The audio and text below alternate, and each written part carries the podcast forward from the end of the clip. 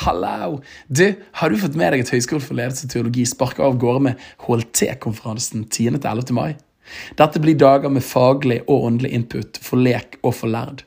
Og særlig kult er det at jeg skal ha en live liv- og lederskap-innspilling med hovedtaler for konferansen, Oreste Pesare, som tidligere har vært leder for den karismatiske bevegelsen innenfor den katolske kirke.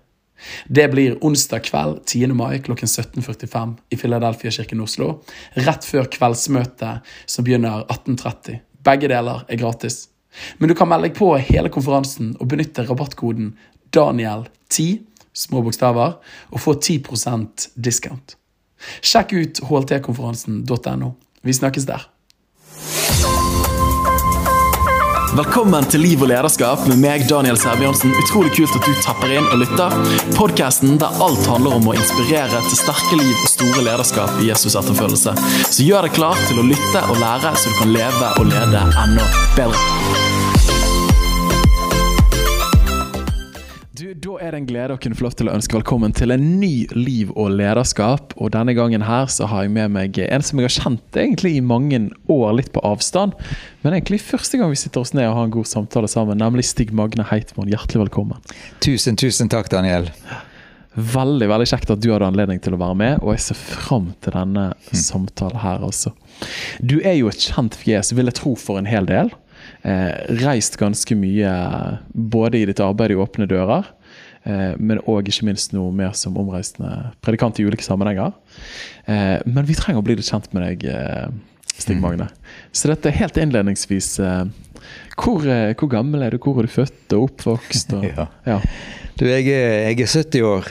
Er født og oppvokst i Fana i Bergen. Ja. ja. Født og oppvokst i Fana i Bergen, ja. Jeg er jo Åsane-gutt. Mm. Dette er jo bare en egen personlig, personlig interessant spørsmål. Men eh, Åsane, hva, hva, betydde det for deg når du vokste opp i Fana? Åsane betydde ja, altså Av alle de kommunene som ble Bergen kommune, ja. så rangerte jo Fana aller øverst. Ikke sant, ja. Og Det var jo en typisk Høyre-kommune. ikke sant? Vi hadde paradis her. Ja. Vi hadde mange skipsredere som bodde her. Så det var liksom toppen av alt, og det var en liten nedtur å bli en del av Berg, Storbergen. Ja, Var det det, ja? ja. Og så hadde du kommunistene i Laksevåg, som da var rett ved siden, og så var det Høyre i, i Fana. ikke sant? Og ja. Åsane hadde jeg ikke noe annet forhold til egentlig enn at jeg hadde en onkel og tante og et par kusiner og en fetter som bodde der. Ja. Men det var det. Det var det, ja. ja. Det er jo ikke et stykke under en sol at Åsane i hvert fall går det så mange år tilbake, til 40-, 50-, 60-tallet, så var jo det for det meste bondegårder. Nettopp. Ja, det var jo det. Min kusine ble, ble gift på Hitland. Ja. Og det var jo en stas å komme dit. Å være på, på, gården og med de artige, friske folkene som bodde der. Og det føltes sikkert som langt unna den gangen. Ja, det var jo det. Vi hadde jo ikke bil på den tiden, f.eks. Så det var, det var lang reise, ja. Mm. Og så var det spennende å besøke min onkel, for han var sjømann hele sitt liv. Mm. Så han hadde så mye å fortelle. Ja. ja. Ja, det tror jeg på. så morsomt. Nei, så det var for de ekstra interesserte bergensere som ja. Eh, hører på. Dere andre må bare bære over. Men, eh, men, er du gift? Har du barn? Ja, ja, ja. Ja, ja, ja jeg er gift. Sier ja, ja, ja. Betyr, men det betyr bare med én, altså. Ja. så jeg er gift med ei flott dame, Ragnhild. Og vi har, eh, vi har barn. Eh, men vi fikk ikke egne biologiske barn, så vi har en adoptert sønn fra Indonesia. og Adoptert datter fra, fra Filippinene. Ja. Og så har vi fått barnebarn, og det er utrolig stort. Stas, ja. mm. Kan jeg spørre hvor mange år dere har vært gift? Ja, vi gifter oss Ja, det nå godt. jeg hører din kone på, så nå bør du svare. du, vi har vært gift i 46 år. 46 år, 47 nå snart. Ja. Oi, oi, oi. Mm. Jeg eh, har jo ja, Nå blir jo nesten satt på prøve her, jeg òg. Men nå i april så har jeg vært gift i syv år. Så du ligger jo milevis foran meg. Hvis du skulle summert ned noen av de fremste ekteskapsrådene etter så mange år eh, eh som giftmann, mm. hva ville det vært?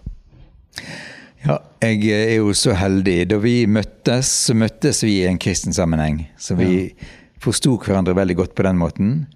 Og Ragnhild viste seg snart å være ei bønnejente og glad i Guds ord. Mm. Hadde hatt en eh, ganske radikal omvendelse til kristen tro. Selv om hun også kom fra en kristen heim, sånn som jeg gjorde. Ja. Og eh, hun var i et veldig veldig flott kristent ungdomsmiljø. Så det var veldig naturlig for oss helt fra begynnelsen av å lese Bibelen sammen, Ja, ja. be sammen, gå til gudstjeneste og kristne møter sammen, Fantastisk. reise på leirer sammen, og eh, ja, søke kristent fellesskap. Mm. Så vi har hatt det som en, en grunnvoll Ja. for vårt, for vårt liv, for vårt ekteskap, for vår familiebygging.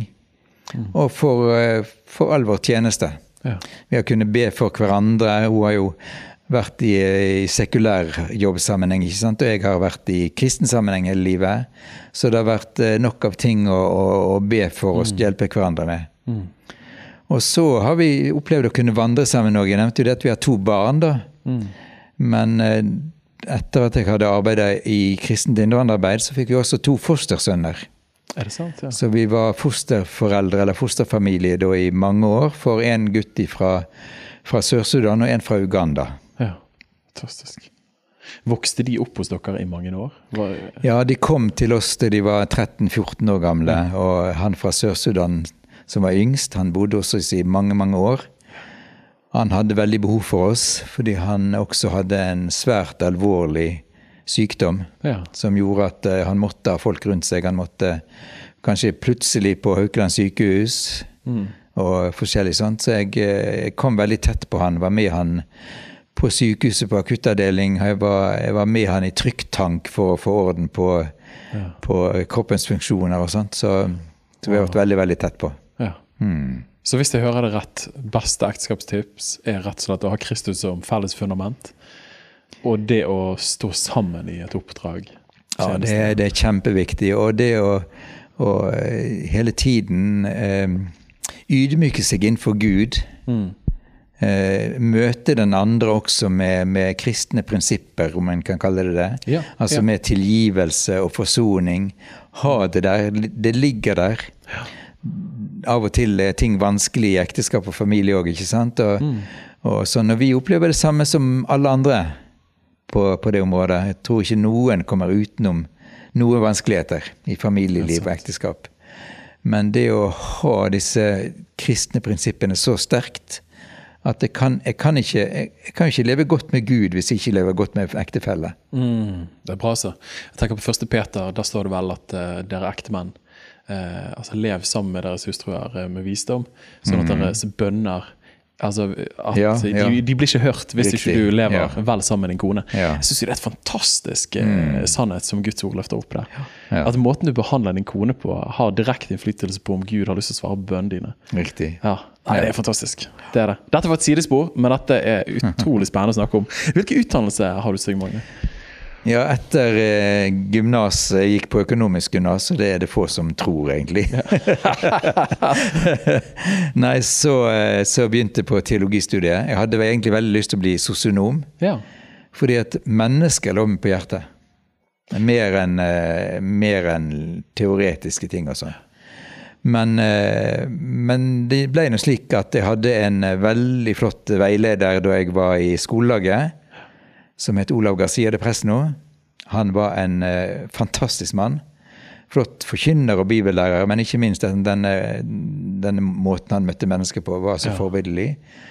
Og jeg fikk så lyst til å studere teologi etter hvert. Jeg mener det, ja. ja. Wow. Så jeg tok teologisk utdannelse, ja. Ja, Og det tok du på MF alle Ja. årene? ja. Ja, Så du bodde i Oslo? Det gjorde jeg, ja. ja. Spennende. Var du gift på det tidspunktet? Vi gifte oss i 76, og jeg var ferdig på MF i 79. Spennende. Du, Jeg pleier alltid å stille et litt sånn artig eller morsomt spørsmål. Det kan jo folk bedømme sjøl om de syns det er morsomt. Men eh, hva er en ting med deg, Stig Magne, for at vi kan bli litt bedre kjent med deg, som kanskje ikke altfor mange vet om? Har du en artig side som ikke liksom kommer fram i Åpne dører sitt blad? ja, Nei, det står nok ikke i Åpne dører sitt blad. Det vil si, det gjorde det eh, i 19... Nei, i 2000 og, 2007. Mm. Da var jeg kalt til å begynne i Åpne dører. I en liten stilling ved siden av, ved siden av den jobben jeg hadde som pastor. Ja.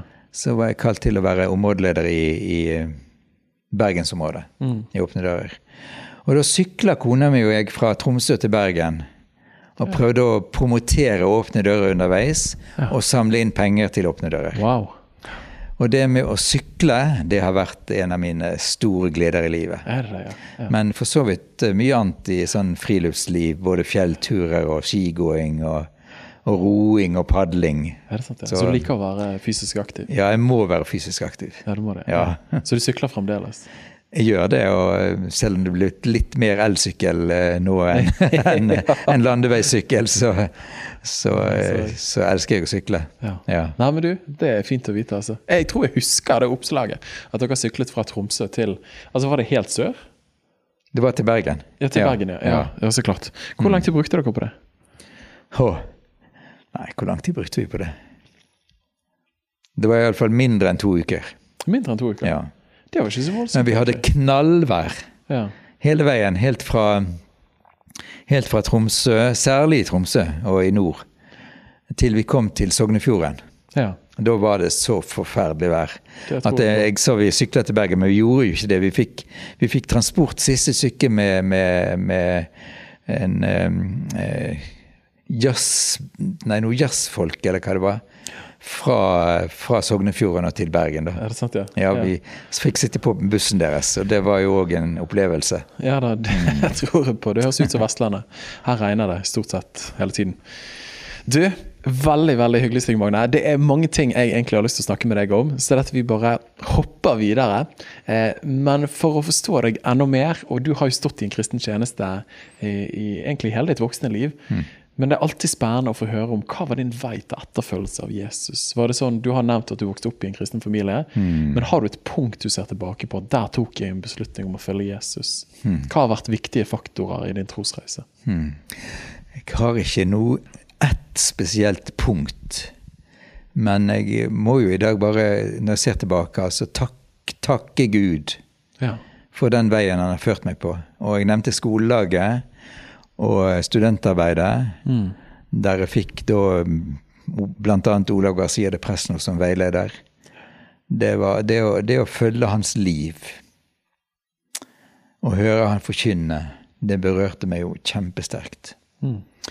Og så mot slutten av studietiden så ble kona mi kalt til å lede et arbeid blant holocaust-overlevende jøder i Oslo.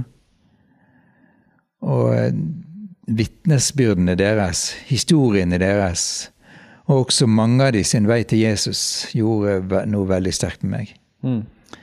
Og da begynte jeg å stille en del spørsmål som jeg kanskje først, ja, fortsatt jobber med, men som jeg har funnet svar på i arbeidet i Åpne dører. Mm. Og så fra, fra, fra, MF og Oslo så gikk veien til studentpresttjeneste i laget i mm. Tromsø. Vi hadde en, en veldig, veldig god tid.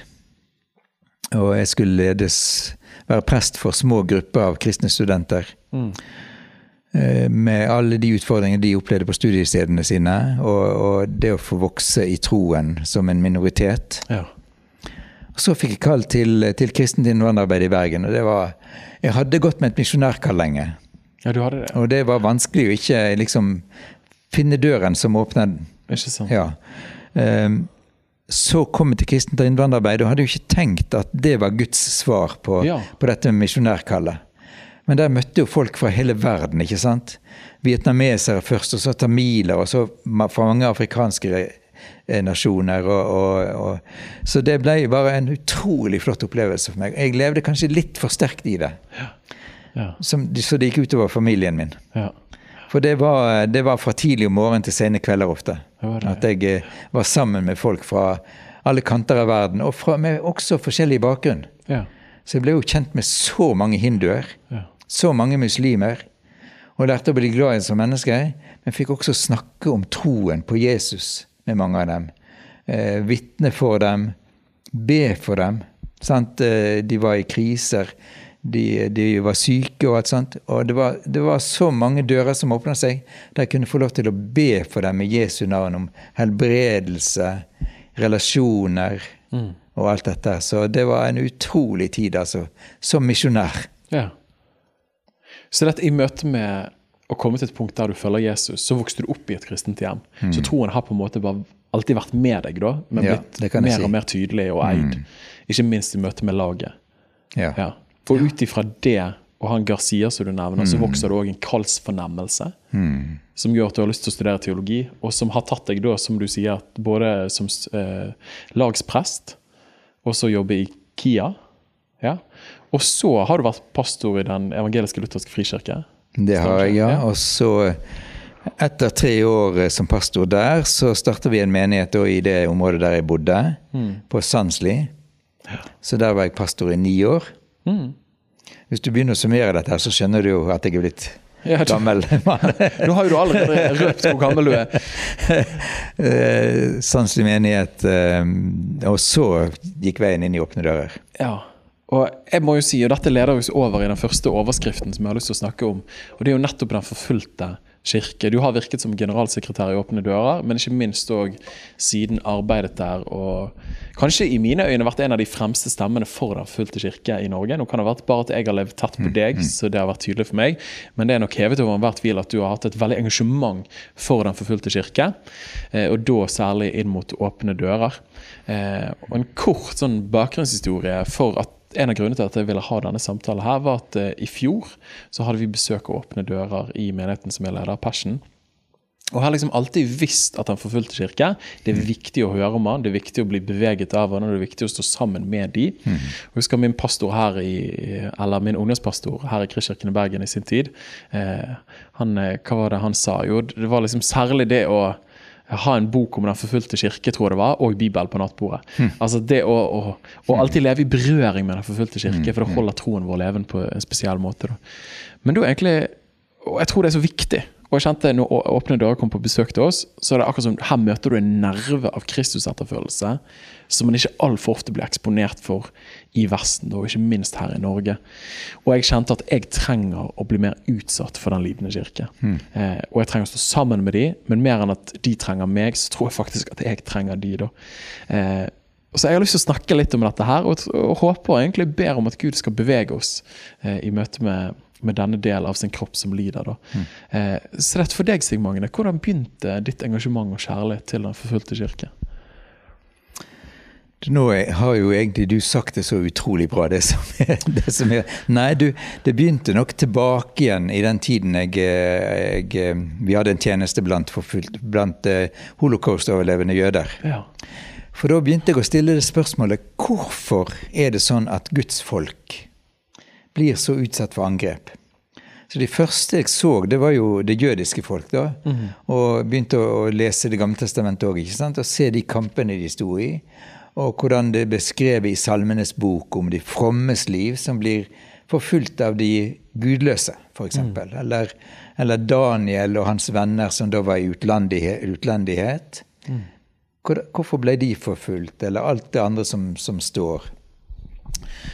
Og så eh, fikk jeg et stipend til å, å, skrive en bok om Den forfulgte kirkes historie.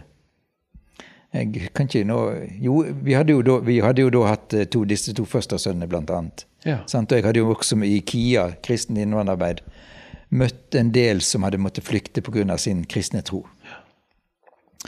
Så jeg hadde fått eh, tak i litt av dette, her, men, men, ikke noe dybde. Så fikk jeg dette stipendet, og jeg begynte å, å, å, å studere.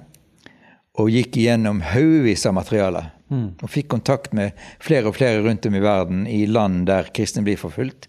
Der kristne er en liten minoritet, enten det var noe kommunistverden, eller det var, eller det var muslimske land, eller det var andre steder. Mm. Og så Uh, og, så, og han fostersønnen vår kan nevne det at han, da han var ung gutt, så opplevde han at hans far som evangelist ble drept.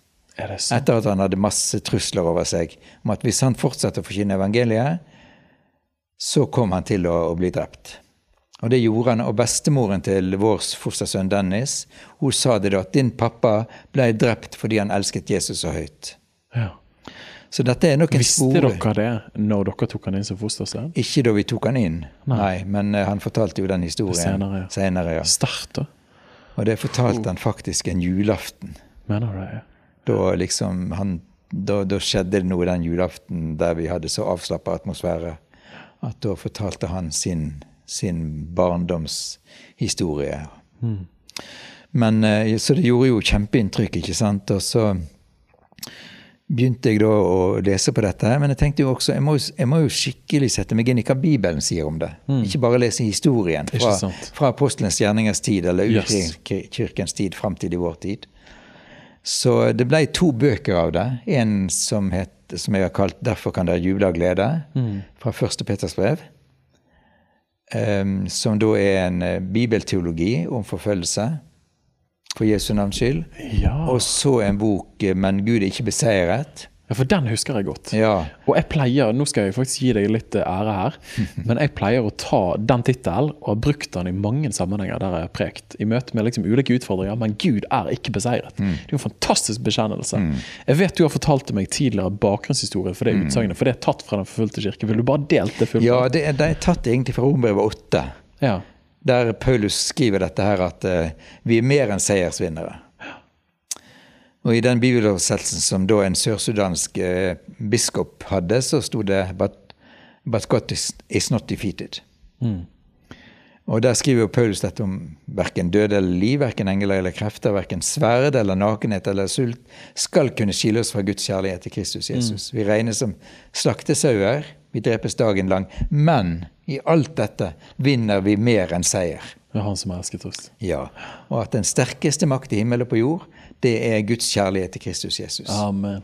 Så denne biskopen som da um, uttalte dette, han, uh, han leda en menighet i en by, og han pleide å si det under ethvert angrep som kom da fra, fra sudanske regjeringsstyrker i, i Sør-Sudan. Som er et muslimsk land? Ja. Sudan var muslimsk, og de ville gjøre Sør-Sudan muslimsk også. Mm. De, de, afrikanske innbyggerne der men da pleide biskopen å rope utover eh, i byen og utover menigheten at 'But God is not defeated'. Mm. Uansett hva som skjer. Come on. Og så var det en gang altså et nytt angrep, og han bare ropte ut dette 'But God is not defeated', og så ble han skutt. Mm. Det var sist han, sist han sa. Og så ble det skrevet en bok da til et jubileum for den jeg tror det anglikanske eller presbyterianske kirke i Sør-Sudan.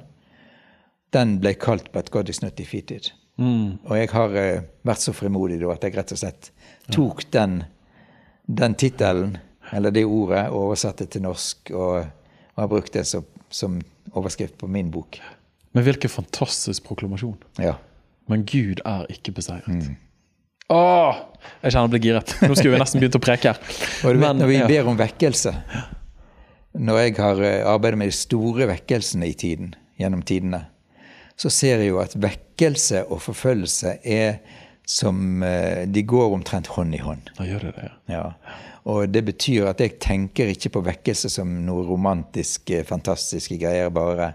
Mm. Men jeg ser den andre siden, at vi må være forberedt på at også vekkelse vekker fienden. Mm. Mm. Hvis det ikke skjer noe iblant oss, så er ikke han interessert i å angripe. Mm. Men når det skjer noe, så angriper han. Og første strategien det er jo den han brukte på Adam og Eva, med forførelse. Mm. Der han ikke lykkes med forførelse, der setter han inn den andre strategien forfølgelse. Og det er et så bra ordpar, og, og vi kommer ja. til å berøre det senere. Ja. Men, mm. men, jeg vil tro at du nok vil nok si det at i den, blant den forfulgte kirke så er det forfølgelse de erfarer. Men mm. vi i Vesten vi erfarer ikke nødvendigvis den fysiske forfølgelsen mm. pga. at vi kanskje på ganske mange områder er forholdsvis forført. Ja. Så åh, det er en skummel, edruelig tanke å mm. tenke. altså. Så det begynte ditt engasjement for Den fulgte kirke begynte da med dette stipendet til å kunne skrive disse bøkene, blant ja. annet. Og Da satt jeg på, på Fjellhaug internasjonale skole og leste gjennom overbøkene til Misjonssambandet, bl.a. fra Kina. Ja fra Etiopia. Og det er bare helt fantastisk. Altså Etiopia i kommunisttiden, der rapportene var veldig alvorlige, bl.a. når det gjaldt ungdom som ble, som ble arrestert og fengsla og trua med å bli drept. Mm. Og så står det også på de samme. Men det er så mange som blir lagt til. Det er så mange ungdommer som, som reiser seg og sier vi vil også være kristne. Wow. Og um, Så dette var i samband Det var jo Mekane Jesuskirken i Etiopia som vokste noe enormt. Da, ja. Ja. Og så hadde du da den såkalte Pentekirken, altså Pentecostals pinsevenner, som vokste enda sterkere. Den, ja, I den, Etiopia på den, tiden. Er den større enn Mekane Jesuskirken? Den er større, ja. Han er det, ja. Og det er jo der en har sett de store, store vekkelsene. Og så kan vi flytte oss helt ja, Så har du Kina som et kjempeeksempel. ikke sant? Før, før kulturrevolusjonen så regnet en mellom to og fem millioner kristne. Mm. Så kom Maos kulturrevolusjon, og, folk, og misjonæren ble sparka ut. Så snakker vi da, Er det på slutten av 40-tallet? Ja, ja. ja. ja. Og framover. sant? Og, og uh, en lurte jo på kan det finnes noen kristne igjen i Kina etter den fryktelige forfølgelsen. Ja, for Man hadde jo ikke noe gallup eller noe sånt? Nei, umulig å finne ut av. Og så ja. åpner dørene seg til Kina. og så å, det er 50 millioner kristne! Ja. Ja, Nå er det langt over 100 millioner. Ja. Flere enn medlemmer i kommunistpartiet. Altså det er flere kristne enn medlemmer i kommunistpartiet i Kina. Og så ser du at største kirkevekkelsen i veksten i prosent nå skjer i Iran. Og Det er jo fantastisk. Afghanistan har ligget som nummer to. Jeg vet ikke hvordan det er der nå, men, men et land som jeg har vært veldig opptatt av de siste årene, de siste få årene, er Somalia. Mm med en forferdelig forfølgelse. Med en ubeskrivelig, altså. Mm. Og, og, der det, det, det, ligger som nummer sju i størrelsen av kristne vekkelser. Så, så, jeg ser dette Hvis en snakker om virkelig vekkelse som, som, berører mange, og som går i dybden og høyden, mm. så er det så ofte sa, sammen forfølgelse, vekkelse. Ja. Og forfølgelse i motsetning til forførelsen fører mennesket bort ifra Jesus, bort ifra Bibelen. Mm. Mens forfølgelsen fører til en større avhengighet av Jesus og større kjærlighet til Bibelen. Ja, så, så Man kommer ikke unna det både i kirkehistorien og i dagens situasjon at der det er forfølgelse, så leder det heller til at mennesker søker Kristus. Nettopp, nettopp. Ja, at de blir desperat, med andre ord. Nettopp. Sånn at, og martyrenes blod er kirkens sæd, ja. ikke det kjente utsagnet? Mm. Ja. Oh. Tertulians ord. Jo mer de dreper oss, jo flere blir vi. Martyrenes blod er den kristne kirkes sæd. Og en annen kirkehistoriker han har sagt at, uh, at uh, kirkens tre første århundrer var som en langvarig korsfestelse ja. som endte i en triumferende oppstandelse. Ja, det er, det er godt sagt, ja. ja. Du, fantastisk. Um, du har jo et veldig innblikk i Den forfulgte kirke, både ikke minst når du jobbet i Åpne dører. Og de slapp jo nå nettopp World Watch List. Det gjør mm. dere hvert år. Mm. Eh, nå har du allerede nevnt litt i, i vekkelsene som finner sted rundt om i verden i dag. Jeg syns dette er så spennende. Mm. Eh, men hva er situasjonen for Den forfulgte kirke? Er kristen tro den troen som blir mest forfulgt på et globalt plan? Og desidert. Eh, er det det? Desidert, Vil du bare delt litt om status? på en måte? For jeg tror mange av oss i Norge mm. vi går på våre gudstjenester og synger våre sanger, og vi vet ja. at noen har det litt kjipere enn oss, mm. men vi er ikke helt realitetsorientert mm. når det faktisk kommer til, til hvor en stor del av Kristi kropp som faktisk lider ganske mye. Da, ja. da Åpne dører begynte med denne forfølgelseslisten, så, så hadde en ulike nivåer på forfølgelse, og markerte det med ulike farger. Ja. Så mørkerødt det var det desidert, desidert vanskeligste. ikke sant? Og Da lå Kina der på topp, og Nord-Korea. Um, og så var det en del muslimske land nedover. Mm. Og jeg tror ikke at India var kanskje inne på listen da han begynte med dette. Eh, men iallfall så var det mange land som da var lysrøde eller oransje eller gule. Mm, mm. Når vi nå ser på forfølgelsslisten for 2023 så ser vi at det er utrolig mange land som er mørkere eller berøde. Mm. Og det betyr at forfølgelsen er blitt mer intens altså i løpet av den tiden, de 30 årene denne listen ja. er blitt presentert. Ha. Forfølgelsen tiltar i intensitet og i utbredelse. Så et av de landene som jo vekker enorm bekymring, det er India. Med hindufundamentalisme, eller hindutva som det heter. Og, um, ja, for Hva er tilstanden til den kristne kirke der? Ja, er det mange kristne i India? Det er mange kristne, og tallet der øker også. Ja, det gjør det. Eh, nå regner en vel iallfall 60 millioner kristne. I India? Ja. Wow, det er fantastisk. Og det er, jo en, det er jo en veldig økning i antall. Men så har det vært sånn i India at i enkelte delstater så har det vært mange kristne.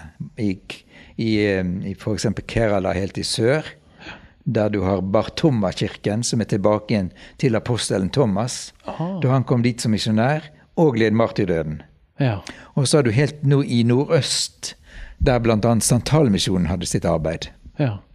Så noen steder er det mange kristne, og så andre steder har det vært omtrent ingen. Mm. Eh, og så har det også vært sånn at det har vært eh, ikke minst blant eh, kasteløse og lavkaste, at det kristne evangelium har fått fotfeste. Er det sant, ja? For de har fått verdighet. Men i kolonitiden så var det selvfølgelig også noen i høy stilling eller ja. langt oppe i, i samfunnet som, som, også ble kristne. Så den anglikanske kirke, er de til stede der pga. historien? Eller? Nå, nå vet ikke jeg hva kir alle kirkene heter, kalles ja. i India. Mm. Men mange kirkesamfunn er nok til stede. Blant annet romersk-katolsk kirke er jo det. Ja. Mm. Og denne arven etter Skrefsrud og Santalmisjonen er jo lutherske kirke. Ja. Um, og så um, Men nå, nå er Siden hindufundamentalistene kom til makten uh, først i delstater, så er jo det innført såkalte antikonverteringslover. Mm. Som gjør det forbudt eller særdeles vanskelig å konvertere til kristen tro. Og de som også hjelper mennesker til kristen tro, kan risikere straffeforfølgelse. De som mm. konverterer, risikerer det eh, med, med voldelige angrep. Og det er sånn at det er inn, i India, av alle land i verden, at det er flest voldelige angrep på kristne. Ja, Disse hindufundamentalistene, ja, blant annet. Ja. Og du kan se på YouTube, du kan se forskjellige videoer om, om det hatet og den grusomheten som er i det. Det er jo forferdelig. i hvert fall. Man blir jo gjerne presentert med India som verdens største demokrati. Og det er det jo. På én måte. På en måte. Men en av grunn, grunnpremissene i et liberalt land er jo nettopp, trosfrihet. Nettopp. Og ytringsfrihet. Ja. Uh, nei, det fungerer ikke, altså. Og i nei. tillegg til disse antikonverteringslovene, så har du rekonverteringskampanjer. Ja. Der de prøver å presse uh, Tenk deg lavkaste kasteløse. De blir kristne, mens India har hatt uh, den politikken i mange år at, uh, at de lavkaste og kasteløse får forskjellige privilegier, sånn at de også skal få utdannelse. Ja. At de skal få materielle goder som de ikke har hatt, mm. der de har vært undertrykt og blitt sett ned på og trakket på. Så hvis de blir kristne, så får de ikke del i disse godene. De blir fratatt enda mer enn de hadde før. Så den eneste verdien de, de wow. opplever, de som da vender om til kristen tro, det er friheten i Kristus. Mm. Det er ingenting annet rundt dem. Ingenting materielt eller den type altså, som, som, da gjør at de velger å være kristne. Ja. Men det er friheten de får i Kristus. Og fra å ha vært lavkaste eller kasteløse og blitt fortalt at de må gjennom utallige reinkarnasjoner mm. for å nå fram til moksha, forløsningen, frelsen, eller det vi kaller paradis, mm. så får de høre at du er Guds barn, på lik linje med en brahmin som er på toppen av dette systemet mm. i India. Du har den samme verdien for Gud mm. som, som enhver annen i høykastet. Og det er så ufattelig frigjørende. Ja, ja. Hvilket evangelium. Ikke sant? Det må gå rett igjen. Så det, det, det trumfer på ja. en måte alle de lidelsene en må igjennom fordi en har valgt å følge Jesus Kristus. Fantastisk. Jeg bare spør om noen andre land òg, bare av interesse. Med mm. type Kina. Man har jo hørt om Kina i mange år. At der har den kristne undergrunnskirken og husmenighetsbevegelsen gått grådig fram. Mm. Eh, men nå har jo Kina òg en økende velstand. Mm. Eh, og jeg har i hvert fall tenkt i møte med den økende velstanden, er det sånn at kristentroen eh, går saktere fram pga. det. Og ikke minst òg eh, med Xi, mm. altså presidenten der, mm. som er veldig nasjonalistisk mm. og tydelig ønsker å begrense den kristne troen mer enn tidligere. Så det virker som de mm. strammer til. Ja. Hva er situasjonen i Kina nå? Ja, det er vel tre, tre, faktorer, kanskje. Det er jo materialismen, som du nevner, som er en samme fare der som her. Ja. Sånn, vi kan jo tenke på, på kjøpesentrene våre som templene i vår, i vår tid. Ja. Det er en uh, skummel tanke å tenke. Som, som griper oss alle, mer eller mindre. Skal presist. Mammontempler. Hvis du kan uh, unngå å gå på, på kjøpesentrene der det er tilbud i butikkvindu etter butikkvindu, så, mm. så gjør det, altså. For det, at det påvirker oss. Ja. det er Ja. Og det, det er Kina, selvfølgelig. Ja. Så, og det er mange av den yngre generasjonen som ikke kjenner til den harde forfølgelsen som var, som trodde at dette var, dette var normalen. Det er det ene. Så er det nasjonalismen som, som følger eh, de ledende. Og den har jo betydd f.eks. dette at de har prøvd å skrive om Bibelen. Ja, i Tresdalskirken? Ja, så myndighetene presser på for å få skrevet om Bibelen.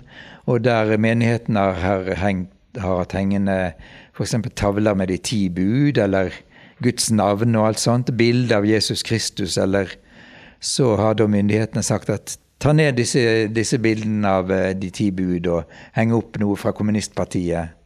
Henge opp et bilde av presidenten der det har hengt bilde av Jesus Kristus. Oi. Altså veldig press på den måten. Og så har du det tredje, og det er jo det at, eh, at Kina er fullt av overvåkingskameraer. Ja. Og det gjelder også kirkene. Sånn at de kan da overvåke. Går du til kirke regelmessig? De har utenfor kirken, de har inne i kirken. Et kamera som kanskje da filmer forsamlingen som sitter der, mm. som kan ha ansiktsgjenkjennelse. Et kamera i andre enden av kirkebygget som da filmer pastoren. Der alt, blir, alt som blir sagt, blir tatt opp. Og myndighetspersoner kan høre på det. Altså Dette er jo Stasi i Tyskland Nettopp. tatt videre på steroider. Nettopp. Ja, det er det. Ha. Det er riktig. Sånn at det er et veldig press der, og hvis en gammel går til kirke hver søndag, så kan en bli trua med at pensjonen blir tatt fra deg. Hvis en ung går til kirken hver søndag, så kan en bli trua med at du får ikke studere videre. Sant? En familiefar går der, du mister jobben din. Du har ikke lov til å ha med barn til kirken under 18 år. Oi. Så det, det, er den type tilbake. Det er en litt annen type forfølgelse. En totalitarisme, da en mer eh, Skal vi si Altså mens den andre, den, den forfølgelsen under kulturrevolusjonen var så åpen og så fysisk, med drap og med fengslinger, deportasjoner, sant? så er denne eh, en mye mer eh, Hva kaller vi det? Altså, kynisk, utspekulert, ja, manipulerende. Ja. Er forferdelig. Men, mm. men hvordan Altså, Jeg har jo ofte hørt om undergrunnskirken, altså mm. huskirkene. Men jeg har jo forstått med årene at mange av disse såkalte tre selvkirkene òg kanskje kunne være levende menigheter. Oh, ja, ja, ja.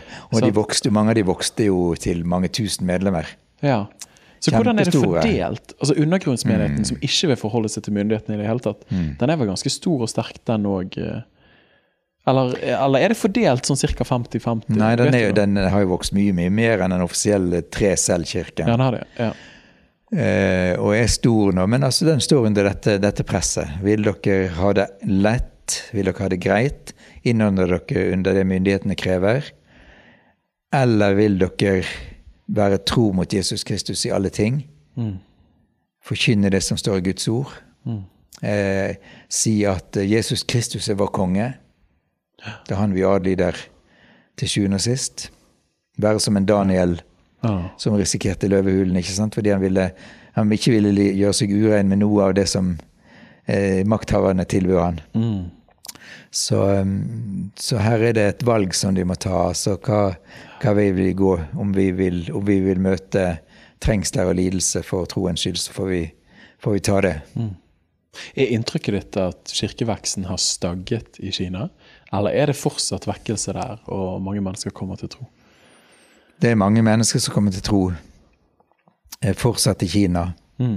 Og det var, en, eh, det var, en, av de ledende menighetslederne som sa det for ikke lenge siden, at nå takker jeg Gud for de økte trengslene, for de vil vekke oss. Ja. Hvis vi ikke hadde fått økte trengsler, så ville flere og flere falle fra. Jeg tenk når de sier det. Mm. Siste landet jeg har lyst til å spørre om, det er Iran. Mm. Jeg syns det landet er fascinerende. Mm. Ikke minst pga. sin kultur og den persiske mm. arven. Det er et utrolig vakkert uh, altså vakker historie på en måte. Mye mm. kultur, vakkert, vakkert, folkeslag. Men så klart den uh, islamske revolusjonen på slutten av 70-tallet uh, eh, har jo skapt mye trengsler. Mm. Men du sa at det var den Er det der prosentvis den største vekkelsen? i den Ja, ifølge noen statistikker jeg tror du finner det hos, uh, på nettstedet Operation World. Ja. Det er rundt 80 millioner innbyggere der, ikke det? Jo. det jo. Ja. Så regnet de at det var 19,6% årlig kirkevekst eh, for noen år siden. Nå har ikke jeg sett siste året, men, eh, men det ligger altså oppunder 20% Så det vil si en og, menighet på 100, da i løpet av ett år så er det 120? Nettopp. Og så neste år så blir det ja, og mm. videre. Der stoppet p Du finner nok få, få enkeltmenigheter som teller så mange, for der har det jo vært husmenighetene som har vært dominerende etter at kirkebygningen ble stengt. At du hadde Khomeini lovte jo religionsfrihet. Mm. Men de som kunne islam og levde under de første årene, de forsto jo hva det var han mente. Det var en religionsfrihet til å utøve islam, eller til å konvertere til islam. Det var ikke å konvertere fra islam til en annen tro. Aha. Så når dette ble veldig synlig på begynnelsen av 90-tallet, at det var mange som ble kristne, så satt de jo inn et motstøt mot Den kristne kirke. Mm. Det var veldig mange av de ledende kristne lederne som da ble henrettet på forskjellige måter. Men det betydde bare at uh, de kristne som var, de fikk en enda større kjærlighet til Jesus. Ja. De fikk en større frimodighet fordi at de så det var noen som var gått foran. Mm. Som ikke akta sitt liv så verdifullt at de ikke ville gi det for Jesus. Mm. Så da, da, da skjøt virkelig Den kristne kirke fart, fra, sånn, fra 1993 og utover. Ja. Og da er det huskirkemodell som ja, gjelder? Ja. ja. Vet man hvor mange kristne det er i Iran sånn cirka i dag? Eller det er sikkert vanskelig å ha tall på det? Ja, Det burde jeg ha tall på, men det har jeg ikke. Nei. Men det er flere kristne nettverk som har oppstått, og de er, de er ufattelig vitale. Ja. Um, og forfølgelsen. Der, der, er bare, ja. der er bare én kirke, en ny kirke, som jeg opplever er mer frimodige. Altså den, den er foreløpig atskillig mindre enn en iranske kirke. Men de er så frimodige på sosiale medier, og de vinner så mange for Jesus. Det, det er nye somaliske kristne. Men de iranske kristne også dette. De har vært så utrolig frimodige og fantasifulle og sånn, men de har, opplevd, de har levd under utfattelige trengsler, altså, med, med religionspolitiet etter seg. Men så har det jo også betydd det at uh, utrolig mange har forlatt islam. Ja. En statistikk jeg leste for ikke lenge siden, fortalte at det er bare ca. 40% nå som regner seg som muslimer Iran. I Iran. Wow. Mange er blitt ateister. Mange, mange gikk til bahai-religionen. Og såpass, ja. Eh, eller eh, For man er rett og slett Den gamle Saratustra-religionen. Ja. Og mange blitt kristne, som sagt. Ja, for dette, Den islamske revolusjonen lovet jo gull og grønne skoger. Men det er vel mange som har blitt desillusjonert med årene når de forstår at de faktisk ikke kan levere på løftene sine. Mm. Den første, første, iraneren jeg eh, fikk være med og lede til tro på Jesus i Bergen, han sa det at um, at uh, Khomeini lovte oss et islamsk paradis. Men Khomeini har nå vist oss islams sanne ansikt. Mm. Det var hans ord. Og eh, det er nok sånn mange har opplevd det. At uh, dette islamske paradiset, det kom ikke. Mm. Hm. Start, altså. Jeg sa jeg ikke skulle spørre om flere land, men det er et eller annet til jeg må spørre om. For jeg syns dette er så interessant. Og jeg tror det er viktig for oss å vite litt om tilstanden til våre brødre og søstre som lider rundt i verden. Men Nord-Korea, hmm. eh, er det det landet som ligger topp, på toppen på World Watch List? Det er det, og det har det gjort i veldig, veldig mange år. Um, det skulle være umulig å være kristen i Nord-Korea. Ja.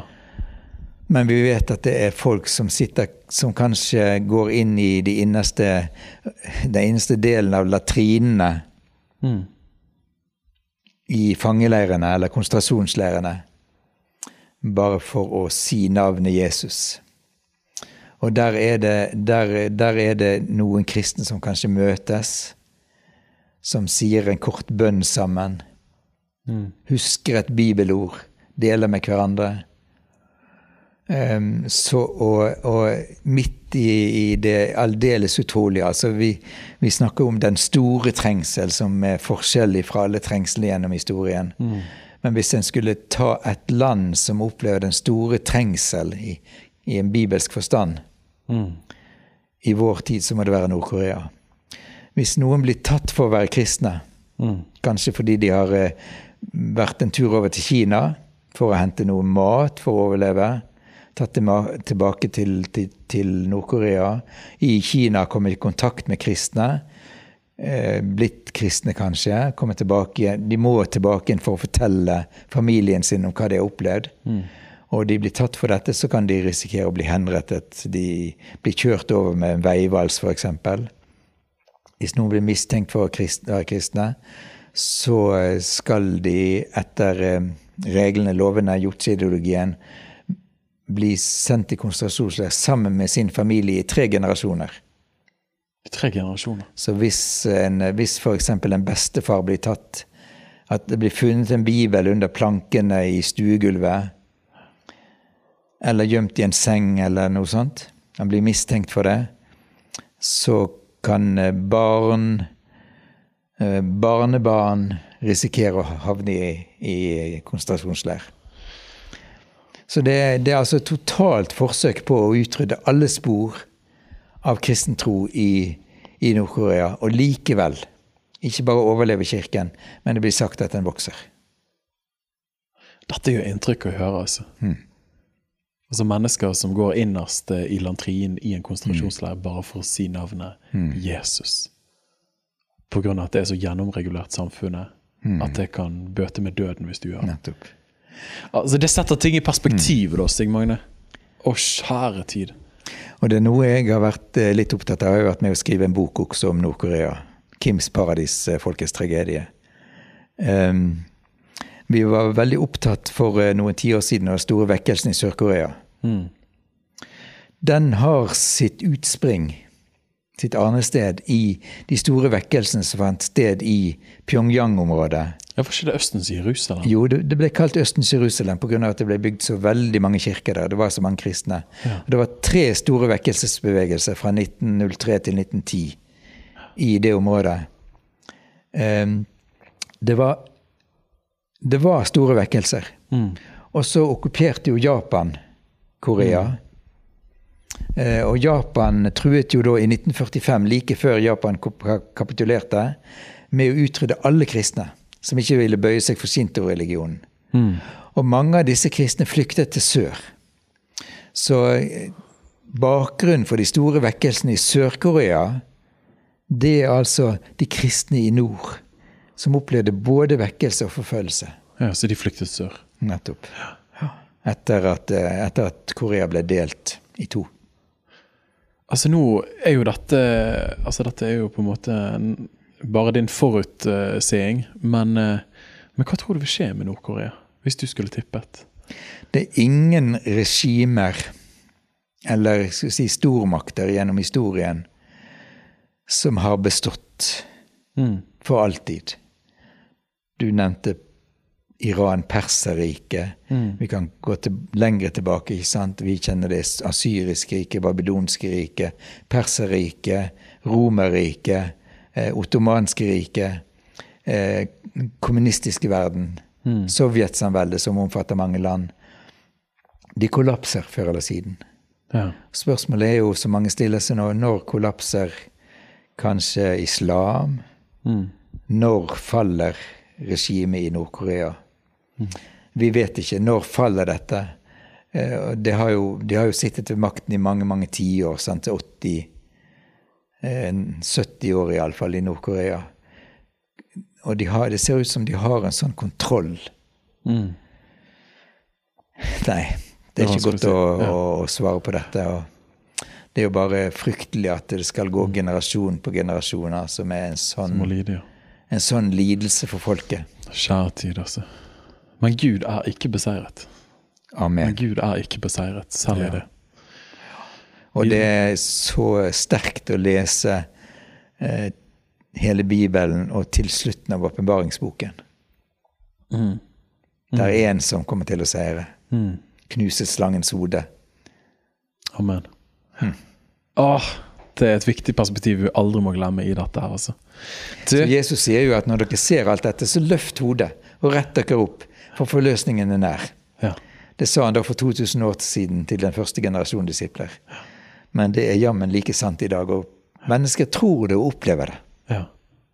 Ha. Altså, Du har jo reist mye og besøkt Den lidende kirke. Eh, hva er det som har gjort mest inntrykk på deg? Men òg sammen med det, hva kan Kirken i Vesten Noen av de fremste lærdommene vi kan ta fra Den lidende kirke, hva ville det vært?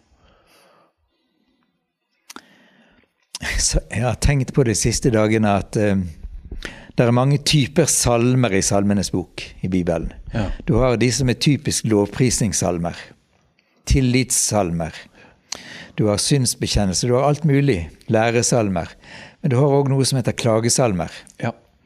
De fleste klagesalmene i Salmenes bok ender med en lovprisning til Gud, en tillit. Mm. Vi vet at du griper inn, Gud. Mm.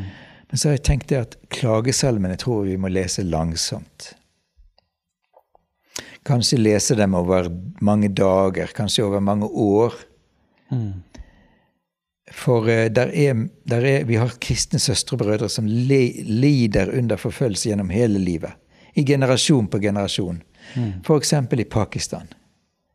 De kristne som er født inn i, i, inn i kloakkarbeid, de vet at ja, min far arbeidet i kloakken.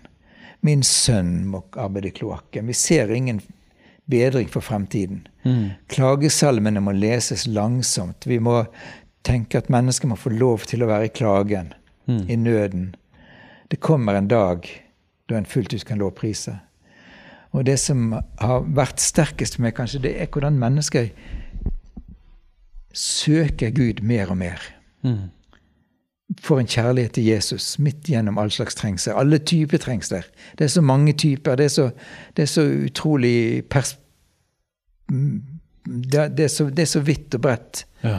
Um, men dette at en søker Jesus, søker Guds ord, lengter etter Guds ord. Og så har jeg jo lært noe, ikke minst du vet, Vi har nevnt lavkaste hinduer, kasteløse hinduer. Men også muslimer som kommer til å tro på Jesus. Ja. Som aldri har opplevd at Guds ansikt har lyst mot dem. Mm. Muslimer som har opplevd frykten i islam. At de ikke kan vite om de blir frelst, om Allah ja. velger å kaste dem bak sin rygg i fortapelse, eller han velger å ta dem inn i paradis. De vet ikke. Mm. Og så møter de en gud som sier 'Jeg vil være din far'. 'Jeg elsker deg'. Mm. 'Jeg lengter etter at du skal være mitt barn'. Mm. Og de opplever en Gud som har øyne som lyser mot dem. Et ansikt som er fullt av kjærlighet. Ja. Ja. Å høre disse vitnesbyrdene om den overgangen fra mørke til lys er bare helt utrolig sterkt. Ja. Hmm. Så når jeg så... møter forfulgte kristne, så er ikke jeg Nå skal jeg rett nok til et land om en uke der jeg er bedt om å undervise. Men jeg har sagt til han som da er leder for dette, han er generalsekretær i, i Det nasjonale bibelselskapet, som ikke kan ha kontor i hjemlandet, men de må ha det i et naboland, for det er for farlig. Men, han, men jeg har sagt til han at jeg ønsker først og fremst å komme og lytte lytte til vitnesbyrd som er med på å forandre mitt liv. Og så skal vi, skal vi dele ting sammen fra Guds ord. Starte. Mm. Så det som har gjort mest inntrykk på deg i møte med Den lidende kirke, er faktisk vitnesbyrdene deres. Altså fortellingen om å møte Jesus. Uh, ja, det er, det er, sikkert. Ja, Men det er sterkt, altså. Men hva kan vi lære? Hva vil du si? Mm. Hva ville vært liksom de fremste lærdommene du tenker Kirken i Vesten kan ta av Den lidende kirke? Det er noen dybder som òg innebærer høyder i deres tro. Ehm, jeg var i Sentralafrikansk republikk, helt i vest, sørvest, på grensen mot Kamerun. Og Der hadde da en opprørsbevegelse vært og herjet. De hadde revet ned alle kirkebygg. De hadde drept menn, de hadde voldtatt kvinner, og de hadde lemlestet barn. Så, så, hadde de ikke hatt gudstjeneste på mange, ja, kanskje måneder. Nå skulle det komme en gruppe fra Åpne dører på besøk, og, og de ble kalt sammen til gudstjeneste. Jeg var spurt om å tale, men jeg kan jo ikke fransk noe særlig. Og tolken kunne ikke engelsk. Mm. Så jeg, tror, jeg, tror, jo Jeg tror at tolken hadde holdt en bedre tale enn det jeg gjorde, men det, men det for, forunderlige som jeg opplevde der, det var jo Der kom de langsomt gående til kirken. Og kvinnene hadde jo kledd seg sin fineste stas. Men du så jo på ansiktene deres at det var bare sorg og smerte. Mm. Barna kom. Det var nesten ingen menn. For mennene var borte, så de var drept. Det er så forferdelig. Så begynner vi gudstjenesten med pastoren, eller han som ledet, med åpner med Guds ord og bønn. Um, skal vi begynne å synge. Og der er omtrent ingen, ingen stemmer. Altså det er så svakt og forsiktig. Men så har disse guttene sine håndlaga trommer, og så begynner de forsiktig å tromme. Og etter hvert så begynner sangen. Kvinnene sitter fortsatt. Men så reiser den ene etter den andre seg. Og så begynner de på afrikansk sedvanlig vis, altså bevege på kroppene sine. Og så får du denne spesielle afrikanske sangen mm. med, med, høye lyder og toner. Og, mm. og, så ser du glansen komme i øynene deres. Mm. Smid i ansiktet deres, og kroppene beveger seg mer og mer. Wow. De synger om Jesus. Ja. Blikket deres flyt, flyttes, oppmerksomheten flyttes fra alt det traumatiske mm. og til det, det de eier i Jesus. Jeg kan synge kristne sanger og liksom etterpå ikke huske hva jeg har sunget. av til. Men dette budskapet som er, altså I kristen tro, i kristen sang Ja, det er hele forskjellen. Ja. Det Jesus har gjort for oss, hvem han er. Ja, hmm. ja det gjør inntrykk. Det gjør inntrykk, altså. Ja, Guds ord snakker jo om en prøvetro som er ja. dyrebar enn gull og sølv. Ja. Første Peter. Var. Renset ild. Ikke sant, ja. Mm. Så hva kan vi lære av de? De har jo en, en prøvetro som vi ikke når til ankle engang. Ikke sant. Men hvor mye større Jesus er for dem enn han er for oss. Åh! Se i nåde til oss, Herre. Hm. Se i nåde til oss. Oi, oi, oi. Det, jeg leser Bibelen med nye øyne. Jeg leser Bibelen med nye øyne nå. Jeg var invitert til, av Ungdom i oppdrag til å ha bibelundervisning i Oslo. Ja. Over første Peters brev. Og jeg brukte nesten halve tiden på de to første versene. Ja. Jeg så igjennom mange YouTube-undervisning av vestlige teologer og forkynnere. Kjempeflinke. Veldig bra. Men det var ingen som kom i nærheten av å forklare hvem er disse kristne som Peter skriver til? Eller hva var Peters liv? Nå er han nær sitt eget martyrium. Han opplever hvordan keiser Nero forfølger de kristne i Rom så sterkt at de må flykte. Hvem er disse kristne? Og hvis en ikke får med seg det, så får en ikke med seg hva den egentlig skriver i, i det brevet. Men David Paasen han hjalp meg, blant annet han, hjalp meg til å se hvem disse er. Og sånn er det når jeg leser resten av Skriften også. Jeg har, jeg har helt andre øyne å lese Skriftene med, annet Salmenes bok, mm. enn det jeg hadde før jeg møtte denne virkeligheten. Ja. Så jeg er jo litt Jeg irriterer kanskje også folk fordi at jeg er så Jeg er så kanskje enig i det, men jeg tror at jeg har fått en mer original måte å lese Skriftene på. Ja. Og med original mener jeg opprinnelig. Ja. ja, for faktum er jo at de nytestamentlige brevene ble jo skrevet til Den lidende kirke. Ja, og sånn? Paulus satt i fengsel Ikke sant? Hvor ofte Husk mine lenker, liksom. Nettopp, altså, hvor ofte, men vi, det går inflasjon i det, for vi har jo lest det så mange ganger. Ikke sant? Men dette var jo en kirke som led. Johannes ja. var fange på Patmos etter at han var blitt dømt til døden. Da han skrev, fikk åpenbaringsboken. Ja. Og jeg har tenkt mange ganger sånn at når han fikk oppleve det Først fikk han se Jesus i all hans herlighet. Ja. Så fikk han uh, høre lovsangen i himmelen, som var mer enn uh, mange tusen fossefall sant, brusen av mange tusen Så fikk han se det nye Jerusalem, den nye himmelen, den nye jord. Og hvis noen da hadde kommet til Johannes og sagt nå skal du få lov til å reise tilbake igjen til de vennene dine i Efesos, mm. tenker jeg han hadde sagt ikke ennå, ikke ennå. Mm. La meg være her i dette litt til. Ja. Dette er så fantastisk. Åh. Jeg syns det Jeg vil bare tro at, uh, at håpet om himmel hmm. lever mye sterkere blant den forfulgte kirke det den gjør for den vestlige kirke, vil jeg tro. Helt opplagt. At, ja, at man, at man, husker jeg hørte om en vekkelsesbevegelse, jeg husker ikke helt detaljene, Men det var vel en vekkelsesbevegelse i Latin-Amerika et sted som hadde vokst til mange hundre tusen i løpet av noen år. Og så mm. kom det en vestlig predikant og spurte de, hva er, liksom, hva er X-faktoren deres? Hva er det som mm. preger dere siden dere har vokst så mye? Og så sa de nei, we live for the sake of eternity. Mm. Vi lever i lyset av evigheten. Mm. And we teach about the judgment seat of Christ. Mm. Altså I den forstand at vi skal fram for Kristi domstol, Nettopp. og vi lever i lyset av evigheten. Ja. Ja. Jeg vil bare tro at Den forfulgte kirke lever under det paradigmet at en dag hmm. skal jeg få høre 'vel gjort, du gode tro tjener'. Ikke sant. Men jeg merker at det perspektivet er ganske hmm. fjernt for meg, mm. som har en elbil og som har en grei telefon, og som lever i et noenlunde OK menighetsfellesskap. Eh, der jeg har det ganske greit, egentlig. Mm. Og det er ikke noe særlig trykk for min tro. Altså, Jeg blir ikke forfulgt på noe vis. Så dette evighetsperspektivet er ganske langt unna, for vi har jo det ganske OK her. Ja. Du er flink med talkshow. Ja. Ehm, det var en, en kvinne i kristen kvinne i Egypt som ble intervjuet på et sånn nasjonalt talkshow. Mm. À la Dan Børge Akerøs eller noe sånt. Ja. Gikk utover hele Egypt og, og, store deler av den arabiske verden, faktisk. Og det hadde nettopp skjedd at en selvmordsbomber hadde kommet inn i kirke. Mm. Og mange, særlig kvinner, var blitt drept fordi at denne mannen hadde kledd seg som kvinne og gikk inn på kvinnesiden i kirken. Hmm. Og, men, men, mannen til denne kvinnen han var diakon, så han hadde skjønt at det var noe på ferde. Så han gikk i møte med denne selvmordsbomberen og fikk stansa han.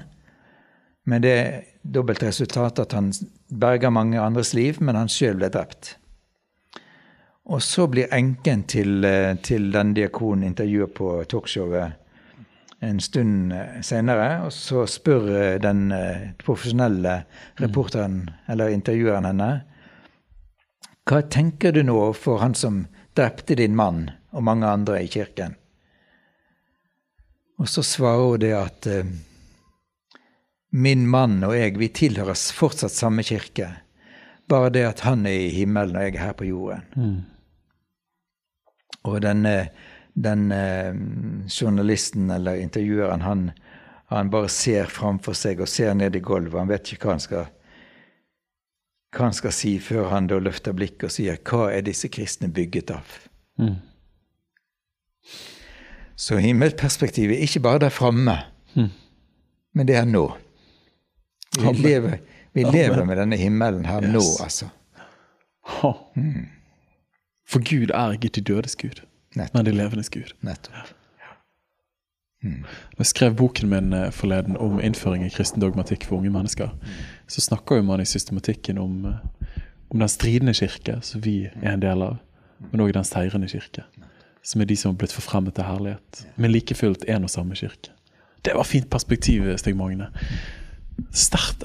Så hun hadde en slik eklesiologi, forståelse av menigheten, at det består av vi som er fysisk på jorden i dag, mm. men òg denne skyen av vitner, mm. som fortsatt er en del. Vi er den samme menigheten. De, de gamle kirkene har jo disse halvsirklene som, som alterring. ikke sant? Når vi går til nattverd, så er den ikke en hel ring, men en halv ring. Mm. Og det symboliserer jo nettopp dette at vi har et fellesskap med våre kristne søsken som har gått foran. Mm. Vi er ett legeme med dem som er der hos Jesus Kristus allerede, ja. og vi som er ennå på jorden. Åh, Det er fantastisk. Hvilket mm. perspektiv, altså. Åh, du, Denne samtalen kunne vart i en evighet. Jeg kjenner Det er mange spørsmål, det er flere spørsmål jeg har skrevet ned her. Jeg eh, hadde bl.a. lyst til å vite hvordan du klarer å skrive så mange bøker. Eh, så jeg må bare kjapt stille det spørsmålet. Du har jo skrevet, du har nevnt noen allerede. Siste du skrev, kan det være 'Jesus vant og vi vil vinne'? Nei, det er nest siste. Det er nest siste. Det er ikke sant, du skriver så mange. ja, jeg må gi meg nå. Nei, du, den, den, siste, den, siste, handler om kristne somaliere. Ja. Den uh, heter 'En ny dag gryr i Somalia'. Mm. Um, den begynte med at jeg møtte en somalisk flyktning i Bergen som klagde sin store nød. Først var det da Siad Barre og kommunistregimet som ødela folket. Så ble han eh, styrta og måtte rømme, og de håpte på en ny framtid. Eh, men i den tiden så benytta det tomrommet som kom, så benytta Saudi-Arabia anledningen til å bygge tusener av koranskoler, madrasser, mm. i eh, Somalia. og lærte ungdom, barn og ungdom opp i veldig radikal islamisme. Mm. Så ut av det fikk vi jo Al Shabaab, da, som er knytta til Al Qaida. Så er rett og slett et produkt av Saudi-Arabia ja. Og, og en, eh, altså, sånn ødeleggende ideologi og religiøs utøvelse. Jeg tror Saudi-Arabia at dette er bra. Altså, de, altså, Det har jo ledet til så mye nød i Somalia. Ja, ja. Saudi-Arabia har jo flyttet opp på rikdom fra, fra olje, blant annet. Og, og, det at det ikke har vært så store levende menigheter der, mens i, mens i Somalia så Nei, det, det, det er fryktelig ille, altså. Mm. Og så kom jeg da i kontakt med flere kristne somaliere etter hvert. Blant annet søster Mariama, som da hadde reist til Amerika og hadde opplevd eh, det godt å være i Somalia, egentlig, som gjeterjente. Og ligget under stjernehimmelen og opplevd den store Gud, mm. som hun egentlig ikke fant i Allah. Mm. Hun skjønte at det måtte være en annen gud eller noe, noe større enn Allah, som hun hørte om i moskeen. Men hun kom til Amerika, da, og der eh, fikk hun en veldig lengsel etter personlig relasjon til Gud. Og hun ble presentert for all slags ideologier og religioner, bare ikke Jesus Kristus. Mm. Og jeg tenker det er mange av de som kommer til Norge også som flyktninger, som blir presentert for mye, bare ikke Jesus. Mm. Så satt hun i bilen sin en dag og kjørte, og øynene var fulle av tårer. Og ropte 'Allah, vis deg for meg'. Mm. Og øynene var blitt så fylt av tårer at hun svingte inn på en parkeringsplass for å roe seg ned. Og når hun da åpner øynene og ser, så ser hun et kors på en bygning rett framfor seg. Så hun hopper ut av bilen og løper inn i bygningen og, og sier til den første hun møter, 'Fortell meg om korset'. Hun ante ikke noe om korset. Mm. Hun bare visste at det hadde et budskap til henne. Mm. Og um, får da etter hvert undervisning om korset og om Jesus, og kommer til tro. Hun sier det var, det var jo helt uh, altså sprøtt av meg å gjøre det jeg gjorde, med å lukke fremmede mennesker inn i hjemmet mitt og alt sånt. Men det var kjent en sånn drivkraft. Dette må jeg vite mer om. Mm. Og er en slags eh, mor for mange somaliske kristne i vår tid. Ja. Og det samme med, med han som er generalsekretær i Bibelselskapet nå. Han var, han var medlem i en uh, liten husmenighet i, i Mogadishu. Han var òg vokst opp med en far som var koranlærer og moskéleder, men kjente at det var noe annet. Det var en annen gud. Og mm. kom i kontakt med andre så det var tolv unge menn som var med i denne gruppen i Mogadishu. Mm. Og han eh, Og så etter hvert år så ble altså ti av de tolv drept. Hvis noen har lest boken av misjonæren Nick Ripken, der han forteller om, eh, om dette, den boken Guds galskap, så ja så var altså denne mannen her en av dem. Og det var ti, ti av tolv som ble drept for sin tro. Den ellevte han døde av stress. Hmm. Men denne siste overlevde da, og, og, måtte jo da flykte. Og bor i et naboland nå. Og leder Bibelselskapets arbeid derfra, for han kan ikke ha noen adresse i hjemlandet. Ikke noe kontor i hjemlandet. Mm. Um, og det, og, og, det å lese både landets historie, kirkens historie, og møte enkeltmennesker i dag som forteller sin historie Start, ja. det har, eh, så, så, hvis det er noe folk akkurat nå som berører mitt hjerte, så er det dette folket. Ja, somalske. Mm. Start, start. Løp og kjøp. Du har mange titler her. Eh, men helt kort, da. Hvordan, hvordan fra idé til ferdig bok? Hvordan jobber du? Nei, jeg, eh, jeg leser, leser, jo selvfølgelig ganske mye. Leser mye i Bibelen, går og grunner. Så det, det går flere år som regel fra jeg Eller iallfall noen ganger, sånn som den, eh, den boka 'Jesus vant og vi ble vinne', så gikk det jo mange år fra tankene begynte, og til jeg møtte noe i Bibelen og til det var et ferdig produkt. Mm. Um, men når jeg da først begynner, setter i gang med å, å intensivt arbeide med det, så er det, bare oppsluker det meg så veldig, altså, at det, altså, er, det, det er den ene ja. Da er det gjerne den ene greien, ja. ja. Mm. Og så er du ferdig med å, å, skrive noe, og så er det da å, å lese gjennom det mange ganger. Og se, har jeg fått med meg det Bibelen sier? Jeg, eh, er det rett, rett dette som jeg, som jeg, skriver? Hva sier andre om det samme? Mm. Mm. Så det, det, er veien. Ja. Og den Jesus vant og vi vil vinne, er kanskje ikke så lett tilgjengelig for alle. Eh, men det er altså den, det som jeg opplever som den røde tråd fra det, det vi kaller proteevangeliet, første gang evangeliet forkynnes, mm. i første Mosebok 3.15, til siste kapittel i åpenbaringsboken, mm. om den endelige seier. Ja. Amen. Jesus vant, vi vil vinne. Så da forstår jeg. Skal du skrive bok? Eh, jeg har jo bare skrevet én, du har skrevet mange. så jeg har håpet jeg kunne få noen litt sånn praktiske tips her. Men da er det rett og slett la ideen unnfange, la den mørne som vokser i deg. Mm. Og når du først begynner å skrive, så glemmer du alt annet, og da trykker du til. nesten sånn. Ja, da, men det mm. høres kjent ut. Det gjør det. Du, eh, vi går snart inn for en landing her. Eh, men det er, det er, kanskje to spørsmål jeg særlig har lyst til å, å løfte opp. Eh, det første er, Nå har vi snakket mye om Den forfulgte kirke. Men på hvilken måte kan vi som lever her i Vesten, stå sammen med våre søsken som lider for sin tro? Hva er den fremste måten vi kan hjelpe dem på? Eller måter? Jeg er så heldig jeg fikk komme inn i Åpne dører. Vi har jo en annen tilsvarende organisasjon i Norge, Stefanusalliansen. Mm. Åpne dører har et blad som gir informasjon. Mm. Noen vitnesbyrd, historier.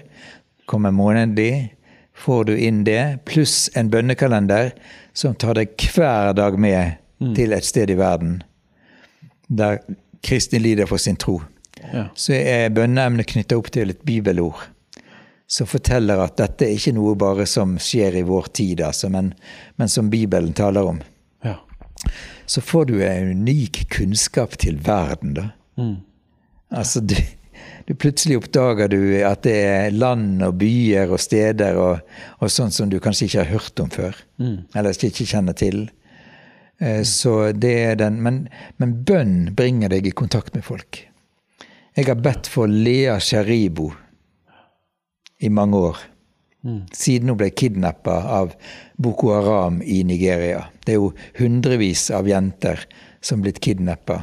Kristne jenter som er blitt kidnappa, bortført eh, forsøkt tvang, tvangskonvertert til islam, mm. tvangsgiftet, har født barn, barn som kalles boko-barn, mm. som gjør at disse jentene nesten ikke kan og hvis de blir satt fri, ikke kan reise tilbake igjen til sine familier eller landsbyer. Fordi at de bærer barn som da er, som da er av fedre som, ja, som da er deres fiender og sånn. Forferdelig. Da. Så um, men jeg har bedt for Lea, bedt for foreldrene hennes. Mm. Og, um, og, det betyr jo at jeg kjenner at hun er jo min søster. Mm. Jeg, er moren hennes som, som blitt uh, psykisk ødelagt av smerte, av sorg. Min søster. Mm. Sant? Og det Ja. Og så går det an å, det an å, å reise på turer med åpne dører. og Enten smugle bibler, være i bønn eller møte noen. Mm. Det, jeg, jeg, tror jo at dette, disse vitnesbyrdene deres mm. kommer til å spille en viktig rolle i, i vekkelsene som vi ber om å få oppleve. Amen. Så hvis jeg hører det rett, altså bønn beveger jo oss. Ja. Men bønn beveger oss nære den forfulgte kirken. Nettopp. Så be først og fremst. Mm. Reis på tur er mulighet. Mm. Men jeg vil tro òg det å kunne gi penger til Du har type åpne dører og sånt, kan ja. være med og ja. mm. møte behov som den kirken må ha. Ja. Og kanskje òg tale deres sak, da. Det virker jo her i Vesten som man nesten er litt sånn uvitende, eller at det, det er ikke så påtrengende at man legger seg opp i trosfriheten rundt om i verden. Der syns jeg USA virker å være mye mer bevisst enn den norske regjering. Du har uh, US Commission on, on Religious Freedom, som har vært veldig flinke, aktive og når jeg noen ganger har fått møte utenrikskomiteen eller Utenriksdepartementet, så opplever jeg jo at det blir interessant mm. for dem. Eh, men, eh, men, mediene i Norge er veldig, veldig lite opptatt av det. Mm. Det er jo tankevekkende med tanke på Jeg vet vi hvor mange millioner røftlig som lider, kristne? Siste års Bølvås-list forteller om 360 millioner kristne. Som lever en forfølgelse. Så prøv å regne ut hvor mange av det totale antall kristne som altså lider under forfølgelse i en eller annen grad eller form. Én mm. av sju. Ja. Mm. 360 millioner. Ha. Du, du har jo bodd i Norge i alle år. Fått lov til å virke som misjonær, sånn som du sa, ikke minst i KIA. Eh, men òg å få lov til å jobbe i Åpne dører. Bare jobbe som misjonær på litt annet vis. Mm. Men du har jo gått på MF i din tid. Du har jobbet som pastor, jobbet som lagsprest. Du har tatt pulsen på det norske kirkelivet i mange år avsluttende spørsmål. Med, hva, med ditt blikk og erfaring, hva vil du si er noen av de fremste utfordringene som Kirken i Norge erfarer? Og hva ville vært din bønn for neste generasjon? De henger jo litt sammen, de spørsmålene der. Det, det, det, det gjør de. Den første utfordringen Altså, da slangen kom til Eva, så sa han 'Har Gud virkelig sagt?' Ja. Og så lokket han Eva til å spise av den frukten som var forbudt. Og det du kan se i Det gamle testamentet mange ganger, det er hvordan, hvordan frafallet er på en sklie. Mm. Inntil en kommer så dypt at en roper til Gud i sin nød. Og Gud i sin barmhjertighet tar en tilbake. Og det jeg opplever som den største utfordringen nå, som, som meg, gir meg veldig stor smerte, det er dette at Kirken er på en sklie. Mm. Store deler av Kirken er på en sklie. Og det er så viktig å ikke bevege seg ut på den. Alle som har vært på en sklie, vet hvor vanskelig det er å stanse. Mm. Helt sant. helt sant. Ja, jeg var på akebrett med et barnebarn forleden dag og i, på snøen. Ja. det, det, går bare fortere og fortere. Ja, det gjør det.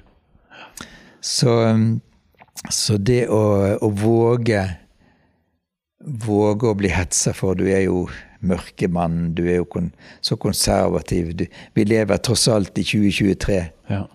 Vi lever tross alt i 2023, Daniel. Det, er jo, det har jeg hørt så mange ganger. Jeg pleier å si det er jo ikke et argument, det er jo en observasjon. Nettopp. nettopp. altså Det er jo ikke et argument i det hele tatt. Nei, og hvis 2023 skulle liksom sette standarden for hvordan verden bør være, så er det mange ting å peke på som ikke er godt. Helt sant, ja. Mm. Så rett og slett et frafall fra Guds ord. Nettopp. Ja. Men i møte med Den forfulgte kirke sant? I Norge, når du leser kristenpressen her, så ser man liksom liberale stemmer debatterer mm. mot konservative. og mm. på en måte Vi lever i en litt sånn skjønn forening om at vi tenker litt ulikt osv., men det får ikke nødvendigvis veldig mye konsekvenser for eh, kirkefellesskapet mellom oss. Mm. Eh, men Den lidende kirke, er det en gjeng med liberale folk? Eller? Altså, for Det er bare interessant å vite. Er det sånn de lefler med liberal teologi? Da tror jeg du skal leite. Det er klart at du finner, du finner det en kan kalle liberale teologer i India. Ja. Som tilhører tradisjonelle kirker. Eh, du gjør, du gjør, det rundt om, altså, men i hovedsak så er det folk som er så avhengige av Guds ord, som opplever Guds ords kraft, mm. Eh, som eh, Det er helt utenkelig å gå den veien som som vi har gjort i noen tiår i Vesten. Ja, for føl bare tro for Den lidende kirke. Altså Hvis du har et lavt skriftsyn mm. og du erfarer forfølgelse, mm. hvorfor i alle dager skal jeg gidde å stå imot denne forfølgelsen, Nettopp. men ikke bare gi etter? Mm. Hvis det ikke jeg er helt sikker på om det er sant uansett, eller det er litt relativiserende, eller at Guds ord bare inneholder Guds åpenbaring, mm. men det er mm. ikke Guds autoritative ord, mm. hvorfor skal jeg gidde å utholde lidelse, da? Så det liberal teologi, hvis jeg forstår rett, er mye mer et vestlig fenomen mer enn Den lidende kirkes teologi. da. Ja. Mm. Det er jo så viktig for apostlene i brevene. Og nå er det første Peters brev jeg arbeider spesielt med i siste. Men det er jo så viktig. Peter er den som har skrevet det. Han skriver på bakgrunn av noe han har opplevd sjøl.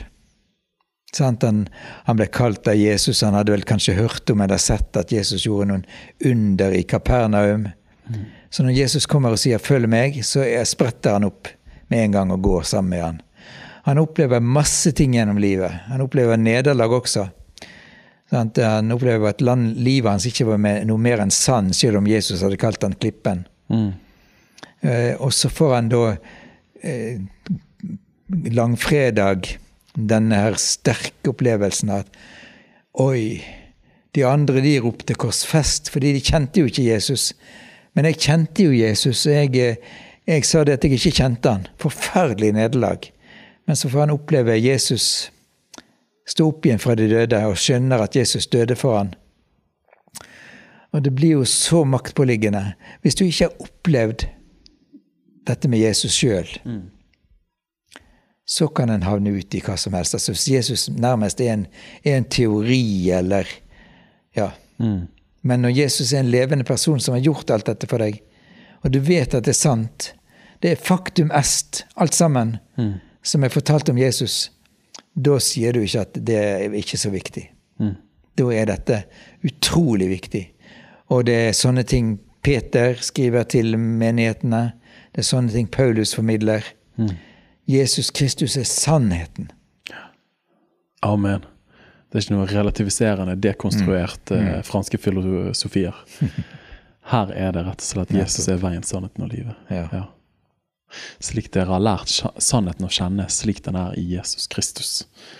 Amen. Du, jeg pleier alltid å spørre mine gjester, det er det aller siste spørsmålet. Det er hva ville vært ditt fremste råd til lytterne da for å hjelpe dem til sterkere liv og større lederskap i etterfølgelsen av Jesus Kristus? Hmm. Ja Det er jo Kan jo koke det ned til det å si Jesus. Mm. Og Jesus møter vi i Hans ord. Jesus møter vi i fellesskapet. Og jeg tenker òg at søk et fellesskap der du vet at eh, Jesus blir malt for dine øyne. Et fellesskap der hele Guds råd, hele Guds ord, blir forkynt og undervist. Mm. Um, og så lev i lyset. La, vi vandrer i denne verden alle sammen, akkurat som disiplene hadde gjort. Men to, skjærtorsdag så tok Jesus disiplene for seg, og så vasket han føttene deres. Mm. Peter syntes det var ikke på sin plass, men Jesus sa det at hvis ikke jeg får vaske føttene dine, har du ikke del i meg. Mm. Og det tenker jeg det går ikke minst på det å få rydde opp i tingene som har skjedd i livet. Enten det er synd, mm. eller det er Ja, ikke minst det, altså.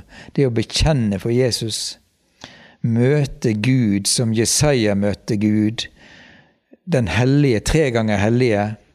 Falle ned for han og bekjenne, mm. så han får reise deg opp. Hvis vi er sløve i forhold til vår egen synd, og vår egen vandring bort ifra Gud, da er det livsfarlig. Så det der å holde seg nær til Herren, mm. sånn som han virkelig er, det er så mm. Det er det avgjørende. Amen. Hold dere nær til Gud. Mm. Skal han holde seg nær til dere. Jeg likte det du sa der, slik som han faktisk er. Mm. Ikke holde seg nær til en gud som vi har dannet i vårt eget bilde, men å holde seg nær til den gud som er tre ganger hellig, mm. som er åpenbart i Skriften. Mm. Som kan støte mine preferanser ja. og mine ønsker og forhåpninger av og til. Men som er den eneste Gud som har kraft til frelse. Ja. Mm. Du, Stig Magne, dette har vært en utsøkt glede. Tusen takk for at takk, du har levd. Så, ja. At du har levd. Ære å være med deg. Takk for det, altså. Mm. Åh, nå håper jeg, og jeg er overbevist om at det vil skje, at kjærligheten til den forfulgte kirke vil gripe oss enda mer. For vi er en del av den samme kirke. Både med de som har gått foran, og de som lider rundt om i verden i dag. Amen. Takk for at du lyttet inn til Liv og lederskap, og håper at du ble inspirert til å leve sterkere og lede større Jesus-etterfølgelse. Hvis denne episoden ga deg noe, del den veldig gjerne videre til en venn eller to, sånn at de kan bli inspirert. Og husk det at ditt liv, ditt lederskap, betyr en forskjell, så ikke len deg tilbake, men len deg framover. Vi trenger deg.